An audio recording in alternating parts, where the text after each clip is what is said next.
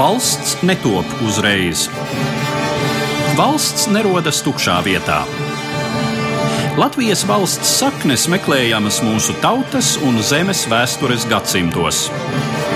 Šogad Latvijas simtgadi gaidot, ieskicējām šo vēstures gaitu, raugoties caur spilgtu un laikmetus raksturojošu personību prizmu. Raidījumu cikls septiņi gadsimti ceļā uz valsti ēterā katra mēneša pirmajā trešdienā Latvijas Radio 1. Labdien, cienījamie klausītāji! Mēs atkal tiekamies mūsu raidījumu ciklā, kas top ceļā uz Latvijas valsts simtgadi. Mūsu šodienas varonis ir 19. gadsimta vidus vācu baltiešu geogrāfs, vēsturnieks un publicists Kārlis Širrens. Pēc doktora grāda iegūšanas 1858. gadā Širens kļuva par Tērbatas vēstures fakultātes ārkārtas profesoru, bet 1860. par pilntiesīgu profesoru. Tomēr jau 1869. gadā spožā akadēmiskā karjera Tērbatā strauji aprāvās, kad Širens publicēja polemisku brošūru Vidzemnieku atbilde Jurijam Samārina kungam. Slavofīli ievirzītais krievu filozofs Samārins savās vēstulēs no Rīgas aicināja Krievijas impērijas valdību mērķtiecīgāk integrēt Baltijas guberņas impērijas kultūras, valodas un pārvaldes telpā, likvidēt to īpatnības, pirmām kārtām vēršoties pret šejienes vācu baltiešu elites īpašo statusu un ietekmi. Širens krasi oponēja Samārinam, uzstājot uz vācu vēsturiskajām tiesībām Baltijā, un šīs publicitātes dēļ vēsturniekam turpmākā akadēmiskā karjera Krievijas impērijā bija liekta, un viņš pēc dažiem gadiem pārcēlās uz Vāciju, kur pavadīja mūža atlikušo daļu. Kā spilgtākais vācu baltiešu identitātes definētājs Kārlis Širens kļuvis par simbolisku figūru šai kopienai. Viņa vārdā nosauktā biedrība joprojām darbojas Lineburgā un ir viens no aktīvākajiem vācu baltiešu kultūras centriem. Turpat Lineburgā, Ziemeļvācijā, atrodas arī Hamburgas Universitātes Ziemeļaustrumu institūts, kas pēta Ziemeļaustrumu Eiropas vēsturiskās vācu minoritātes, vēsturi un kultūru. Ar šī institūta pētnieku Detlefu Henningu mana saruna par Kārli Širrenu un viņa lomu 19. gadsimta vidus Baltijā. Kārlis Širens ir dzimis 1826. gadā Rīgā viņš bija mācītāja dēls un piederēja pie vidzemniekiem, kas sevi identificēja kā viena vācu guvernamenta iedzīvotāji, un viņš pats piederēja pie grupas, kas sevi saucās par literātiem. Tātad viņš nebija dišciltīgs, bet birģilis, pilsonis, un viņam bija īpatnēja identitāte no vienas puses Viņi it kā bija vācieši Baltijas provincēs, bet no otras puses viņi sevi identificēja kā baltieši ar ģimenes saknēm un dziļu vēsturi tieši tur.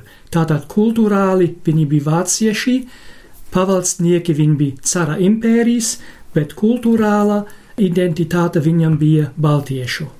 Ko nozīmēja šī baltiešu identitāte? Mēs varētu tā nojaust apmēram, bet droši vien, ka mūsdienu klausītājiem būtu svarīgi to iekrāsot mazliet. Kā izpaudās šī, jāsaka, trejādā identitāte?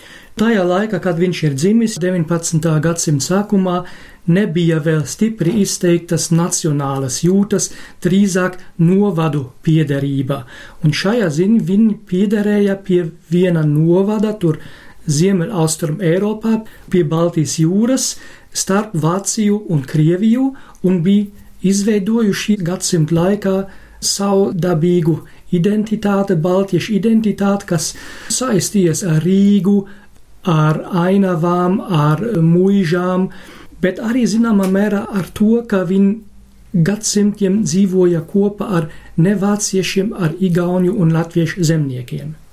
Kāda bija šī attieksme un tās attiecības ar pastāvošo valsts varu, ar Krievijas impēriju. Kopš Pētera Liela šīs provinces valsts tiesību ziņā piederēja pie cara impērijas, bet Pēters viņam jau bija garantējis autonomijas statusu, tātad vācu valodu, luterāņu konfesiju un vācu tiesību vai likumu sistēmu. Un šajā ziņā viņi jutas valsts tiesiski piederīgi impērijai, bet kultūrāli un iekšēji autonomi. Runājot par šīm Pētera pirmā privilēģijām, kā tās populāri mm tiek dēvētas Latvijas vēsturē, tas vispārējais priekšstats ir tāds, ka no latviešu viedokļa šīs privilēģijas deva valsts baltiešu pirmām kārtām muizniecībai, ārkārtīgi lielas, kā kādreiz teica, eksploatācijas iespējas, nu katrā ziņā lielu varu, tā skaitā varu pār viņiem pakļauto latviešu likteņiem. Cik lielā mērā raugoties no šodienas viedokļa tas tā ir, nu varbūt arī ieliekot eh, pārējās Eiropas kontekstā tajā -hmm. laikā? Zināmā mērā tas ir pareizi, bet situācija neatšķiras daudz no citām Eiropas novadiem. Piemēram, ja skatījās tajā laikā uz Meklenburgu, kur zemnieku status stāvoklis bija vēl sliktāks, pat Krievijā zemnieku status bija sliktāks. Vienkārši tajā laikā, kad Širins bija dzimis, tā bija normāli un pieņemts, un tikai pēc Franču revolūcijas lēnām, lēnām sākās diskusijas par zemnieku brīvlaišanu, lai gan jāsaka, ka desmit gadus atpakaļ jau zemnieku brīvlaišana Baltijas provinces bija notikusi, bet vēl nebija iespējams iegūt zemi. Tātad, zināmā mērā, tā bija tikai puszemnieku brīvlaišana, kas bija notikusi. Ja mēs raugāmies uz uh, Širena biogrāfiju, uz viņa dzimšanas datiem, tad uh, jāsaka, nu viņš ir uh, Krišāņa Valdemāra laika biedrs. Mm -hmm. Krišāns Valdemārs ir dzimis 1825. gadā. Tikai, nu, protams, acīm redzami, ja mēs tā noliekam līdzās šīs divas biogrāfijas, tad tās starta pozīcijas ir gaužām atšķirīgas, un to mēs arī uzreiz redzam, jo kamēr Krišāns Valdemārs tiek līdz savām ekonomikas studijām tērbatā, Tikmēr Širens sen jau ir tērbatu beidzis un jau drīz pats tur kļūs par profesoru. Mm -hmm. Te var uzreiz redzēt, kā atšķiras vācu literāta dzīves gājums un karjeras iespējas no latviešu, kurš šai ziņā ir celmlauzis. Mm -hmm. Jā, mhm. tā tad pirmā latviešu paudze, kura vispār iegūst akadēmisko izglītību, ja neskaita dažus hipotētiskus variantus kaut kad agrāk, atsevišķus gadījumus. Runājot par Širena biogrāfiju, cik tā bija tipiska tā laika vācu baltu literātu vai vispār pilsoņu šķiras pārstāvim? Tā bija tipiska karjera, jo 18 gadu vecumā viņš jau iestājās Terbats universitātē, sākā mācīties geogrāfiju. Viņš jau sākumā nebija vēsturnieks, bet geogrāfs un statistiķis. Piecus gadus vēlāk viņš nolika jau kandidātu eksāmenu, vēl septiņus gadus vēlāk viņš aizstāvēja promocijas darbu, un 60. gadā viņš jau dabūja geogrāfijas un statistikas katedru Terbats universitāte. Tātad tā bija diezgan tieša un taisna literātu akadēmiķa karjera bez apveceļiem.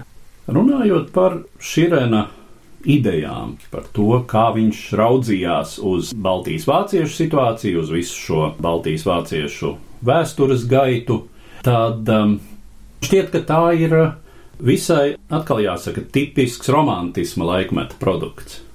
Sākumā jā, bērnībā, jaunībā tā saucamais Baltijas Biedermejers, ļoti mierīgs laiks pēc Napoleona kariem, bet gadsimta vidū jau situācija sāka mainīties. Bija konverzācijas kustība starp latviešu un igauņu zemniekiem, bija bada gadi, zemnieki kļuva nemierīgāki, kļuva jūtama rusifikācijas pirmie iedīgļi, un tas bija tas laiks, kad Širens sāka strādāt par profesoru Terbatā 60. gads, tad lēnām sākās nacionālisma nemieru 19. gadsimta otrā pusē. Kā Širens, ja mēs vēlreiz atgādinām, sevi pozicionēja attiecībā pret šo 19. gadsimta, jāsaka, vadmotīvu, leitmotīvu, tātad nacionālismu. Mm -hmm. 1863. gadā viņš dabūja Krievijas vēstures katedru, viņš nomainīja katedru un kļuva par vēsturnieku, un viņam lielākā interese vai tas, kas viņu kustināja, bija vidzemes vēsture, sevišķi viduslaiku vidzemes vēsture, un it sevišķi tas laikmets, kad vidzeme vai Līflande pārstāja pastāvēt. Tas bija 1561. gads, un viņš visu laiku mēģināja izpētīt, kādi bija tie cēloņi, kāpēc tā vecā viduslaika Līflande eh, pazuda no vēstures. Un šajā veidā viņš nonāca pie tā pētīt eh, vēsturiskas tiesības, it sevišķi Ziemeļkara beigu Pētera lielā privilēģijas, autonomijas, tiesības, tas, kas garantēja baltvāciešiem un Baltijas provincēm autonomijas statusu. Tas viņam bija fokus, un zināmā mērā rusifikācijas laika tas pats jautājums viņam pēkšņi atkal kļuva aktuāli. Tātad, sākot ar viduslaiku studijām, viņš nonāca arī aktuālajā politikā, un viņš mēģināja tur saredzēt paralēles. Tātad, eh, ja mēs runājam par šo tā brīža aktuālo politiku, tad eh, to mēs varam teikt, ka sākot ar 19. gadsimta vidu parādās šī tendence, un tad pakāpeniski tā pieaug. Latvijas vēsturē mēs to pamatā saistām ar rusifikāciju, mm -hmm. cik tālu uz gadsimta beigām tā jau ļoti nopietni sāk skart arī latviešu nācijas pastāvēšanu un, un veidošanās procesu. Bet faktiski jau tā ir arvien noteiktāka šīs lielās impērijas unifikācija. Mm -hmm. Pareizi. Ko īstenoja centrālā vara. Nu, un cik var noprast, tad Širens bija kategorisks šīs tendences pretinieks. Jautājums, cik lielā mērā tā bija viņa atkal romantiski ievirzīta vēsturnieka nostāja, un cik lielā mērā viņš redzēja kādus politiskus argumentus, ar kuriem tad viņš pamatoja savu nostāju. Širins sevišķi asi politizējas pēc tam, kad slavofīls Jurijs Samārins bija publicējis savus rakstus, it sevišķi pret Baltijas provincēm, pret uh, luterānismu un pret to, ka tur it kā vācieši varētu kļūt par Krievijas cara impērijas iekšējo ienaidnieku. Pret šo versiju Šerens ļoti asi vērsās, un viņš teica tieši otrādi, kamēr mums garantē mūsu valodas, kultūras, tiesību, konfesijas autonomiju, kamēr to visu garantē, mēs esam lojāli cara impērijas iedzīvotāji un vienmēr paliekam lojāli pret to caru, kas mums šo autonomiju garantē. Bet, ja tagad sāka šo autonomiju ierobežot, apkarot vai varbūt pēc laika arī atņemt, tas ir tas brīdis, kad mēs kļūsim nelojāli un tikai tad mēs kļūsim par tiem iekšējiem ienaidniekiem, par to samārins it kā tagad jau runā. Tā bija viņa koncepcija vai viņa nostāja. Savā vidzemnieku atbildē Jurijam Samārina kungam Kārlis Širens raksta: Stāvēt nelokāmi. Tāda, Samārina kungs, būs pret jums un jums līdzīgajiem vērstā rīcība. Noturēties. Tāds būs mūsu politikas kopsaucējs. Ja mēs tādējādi pazaudēsim savu likumisko mantojumu, ko mums atstājuši mūsu tēvi, tad mēs vismaz nebūsim to gļēvi nodevuši. Ja gods glābts, tad viss glābts. Tas, vai cilvēku kopienai, lielai vai mazai, ir tiesības tālāk pastāvēt uz politikas un vēstures skatuves, izšķiras tieši tādos brīžos, kad katrs pierastais patvērums Katrs ierastais balsts vairs nekalpo ierastā veidā, un katrs var paļauties tikai uz saviem spēkiem, un katram pašam jāizstāv savas iedzimtās tiesības. Tās ir tiesības, uz kurām balstās visa mūsu kultūra, un uz kurām šī mūsu kultūra ir vērsta. Tiesības dzīvot saskaņā ar savu sirdsapziņu, un tiesības ieņemt sev pienākošos vietu. Gadsimtu vētrās mēs esam izglābuši vienu dzīves principu, kas caurauž, veido un saglabā visu, kas sabiedrībā ir vesels, neatkarīgi no izcelsmes, ticības, kārtas. Sauciet to par autonomijas principu vai kā vien vēlaties. Nav svarīgi, kā jūs šo principu nosaucat, svarīgi, kā jūs to izprotat. Tas veido sīkstas cilvēku grupas, kuru locekļi neatdod to, kas viņiem pieder, bet neskauž citam to, ko viņš pats ieguvis. Minētais princips nav savienojams ar piespiešanu uz absolūtu vienlīdzību un neskaidri definētām spaidu varas pielietojuma robežām. Tas pretojas ikvienam neskaidram spēku un interešu sajaukumam. Tas prasa pašapziņas pilnu kustību. Tas rada stingrību, bet ne bezjūtību. Tas nav savienojams ar plaši izplatīto bezpalīdzīgumu, kad tiek sagaidīts, ka viss tiks dots no augšas un no ārpuses, bet neko negaida no sevis paša. Tautai ir jārūdās darbā un droši jāieiet savos vīra gados. Katram no apakšas jācīnās un jātiecas uz augšu jātiecas būt brīvam un uzticīgam, pārbaudīt sevi mazajās lietās un tikai pēc tam tiekties realizēt sevi lielajās. Ja mēs palūkojamies arī uz to, kas tad bija Jurijs Samārins, jā, no vienas puses slavofils, lai gan arī jāsaka, tā palasot par viņu, populāros avotos atrodamo, te nevajadzētu pārspīlēt varbūt viņa radikālismu, vai katrā ziņā viņa primitīvismu. Mm -hmm. Jo cik var noprast, tad no vienas puses jābūdams slavofils un uh, vienotas un uh, unitāras Krievijas valsts piekritējs, viņš tajā pašā laikā ir ar respektu un interesi attiecies pret Eiropas kultūru. Bet, uh, protams, viņi nonāk ar Širenu polemikā. Širens būdams Tērbats Universitātes mācības spēks, Samārins būdams to brīdi Krievijas valsts ierēdnis šeit, Baltijā, Rīgā. Un jāsaka, ka trūkties dabū kā viens tā otrs no cara valdības. Mhm. Kā zināms, Širens zaudē savu katedru un eh, galu galā ir spiests pārcelties uz Vāciju, un Samārinu pārceļ darbā uz Simbirskas guberņu, tālu prom no Latvijas. Nu, pēc tam gan viņš turpina savu karjeru citur, Lielajā Krievijā, bet uh, kā vienu tā otru aizvāc tā sacīt tālāk nost no, Pareizi, jā, tā, no acīm. Jā. Zināmā anekdote, jā. Mhm. Tāda varētu teikt tāda tipiska Paradoks. impērijas politika, kas ir tāda pēc iespējas vairīties no iespējamiem konfliktiem. Mm -hmm. Ļoti, es teiktu, saprotama un tipiska lielajām impērijām. Mm -hmm. Kā droši vien piekopa savās teritorijās līdzīgā veidā Austro-Ungārija, Osmaņu impērija un tam līdzīgi tajā laikā.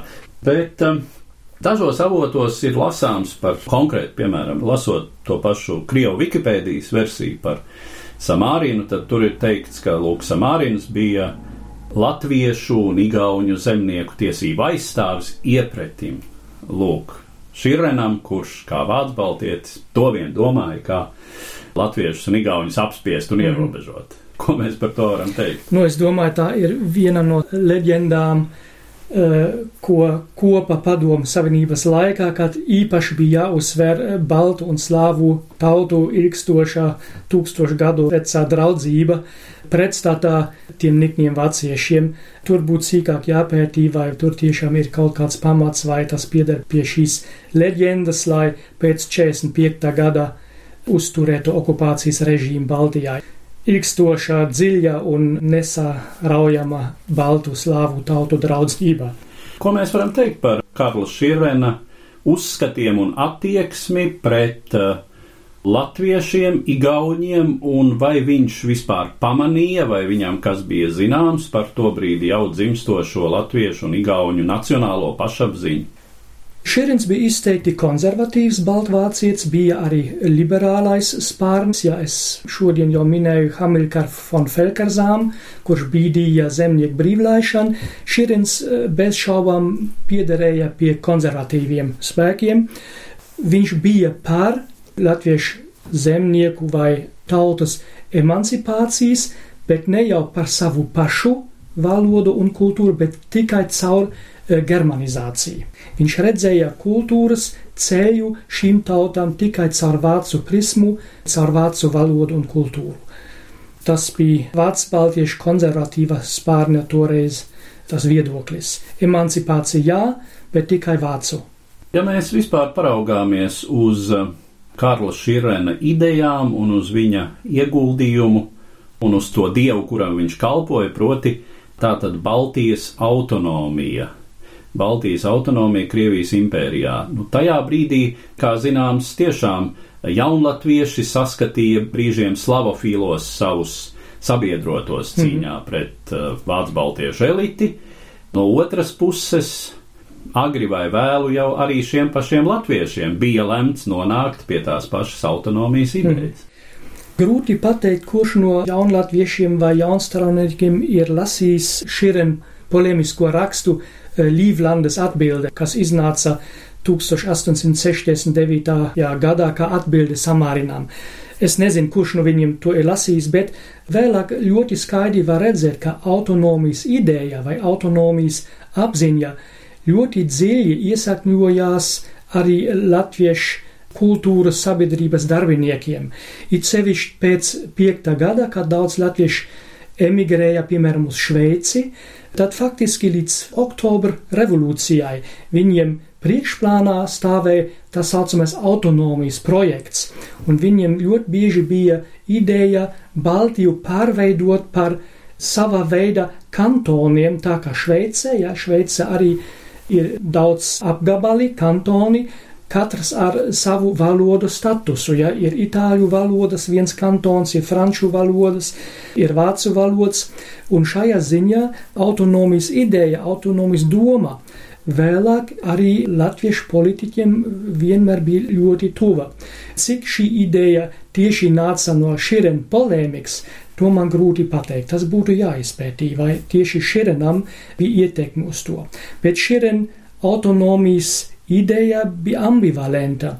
Tā bija ļoti populāra, protams, starp vācbaltiešiem, sevišķi rusifikācijas laika, bet arī Latvijas republikas laikā, un veda pie tā, ka arī 20. un 30. gados vācu-baltieši aizstāvēja to, ka viņi šeit stāv pozīcijā un ka šī pozīcija ir jātur ar visiem spēkiem, un tas noveda faktiski līdz zināmai nefleksibilitātei pielāgoties jaunajiem Latvijas republikas apstākļiem. Šajā ziņā Širen autonomijas doma kļuva konservatīva un kontraproduktīva minoritātes politikas ziņā 20. un 30. gados Latvijā, it sevišķi tad 30. gados Ulmana režīmā.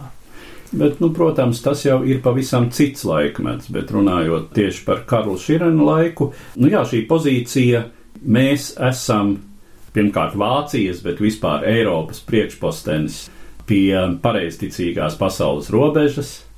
Bet arī pret tiem tā saucamiem nacionāliem igauniem un latviešiem. Arī pret viņiem viņi stāvēja pozīcijā pēc piektā gadā. Tā bija arī šķieren ietekme zināmā mērā.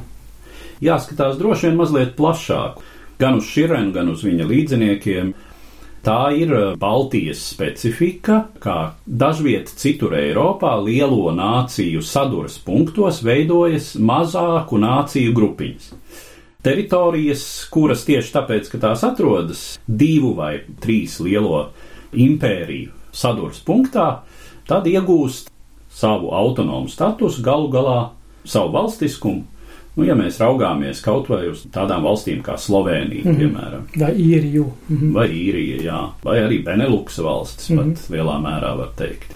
Ar Baltiju ir līdzīga, un šī Rens ir viens piemērs tam, kā izpaužas šī vairāku lielo varas sfēru krustpunktā atrodošās teritorijas formēšanās. Mm -hmm, tas ir pareizi. Jā. Zināmā mērā viņš ir priekšgājējis arī 20. gadsimta valsts izveidošanai. Jā.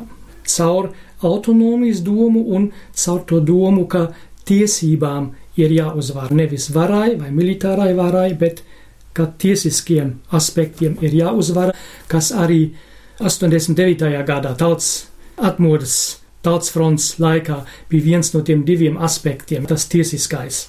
Tiesiskā valsts, starptautiskās tiesības. Tas ir tas, kas mums garantē nākotni. Zināmā mērā tas arī bija šķiren garīgais mantojums.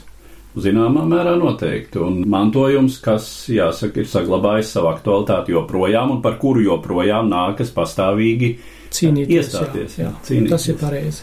Un arī mūsdienu pasaulē, teiksim, impērijām, kas tādas ir joprojām ir. Sāk atkal rosīties, jā, tas ir pareizi. Vai ir vēl kas, ko mums vajadzētu piebilst par Karlu Širēnu? Viņš nebija tikai polēmiķis vai konservatīvs vai publicists, viņš arī bija vēsturnieks, Krievijas vēstures profesors Terbatā, bet par viņa vēsturnieka lomu gan jāsaka, ka viņš drīzāk bija mutisks cilvēks. Viņš lieliski uzrunāja studentus un ietekmēja arī studentus.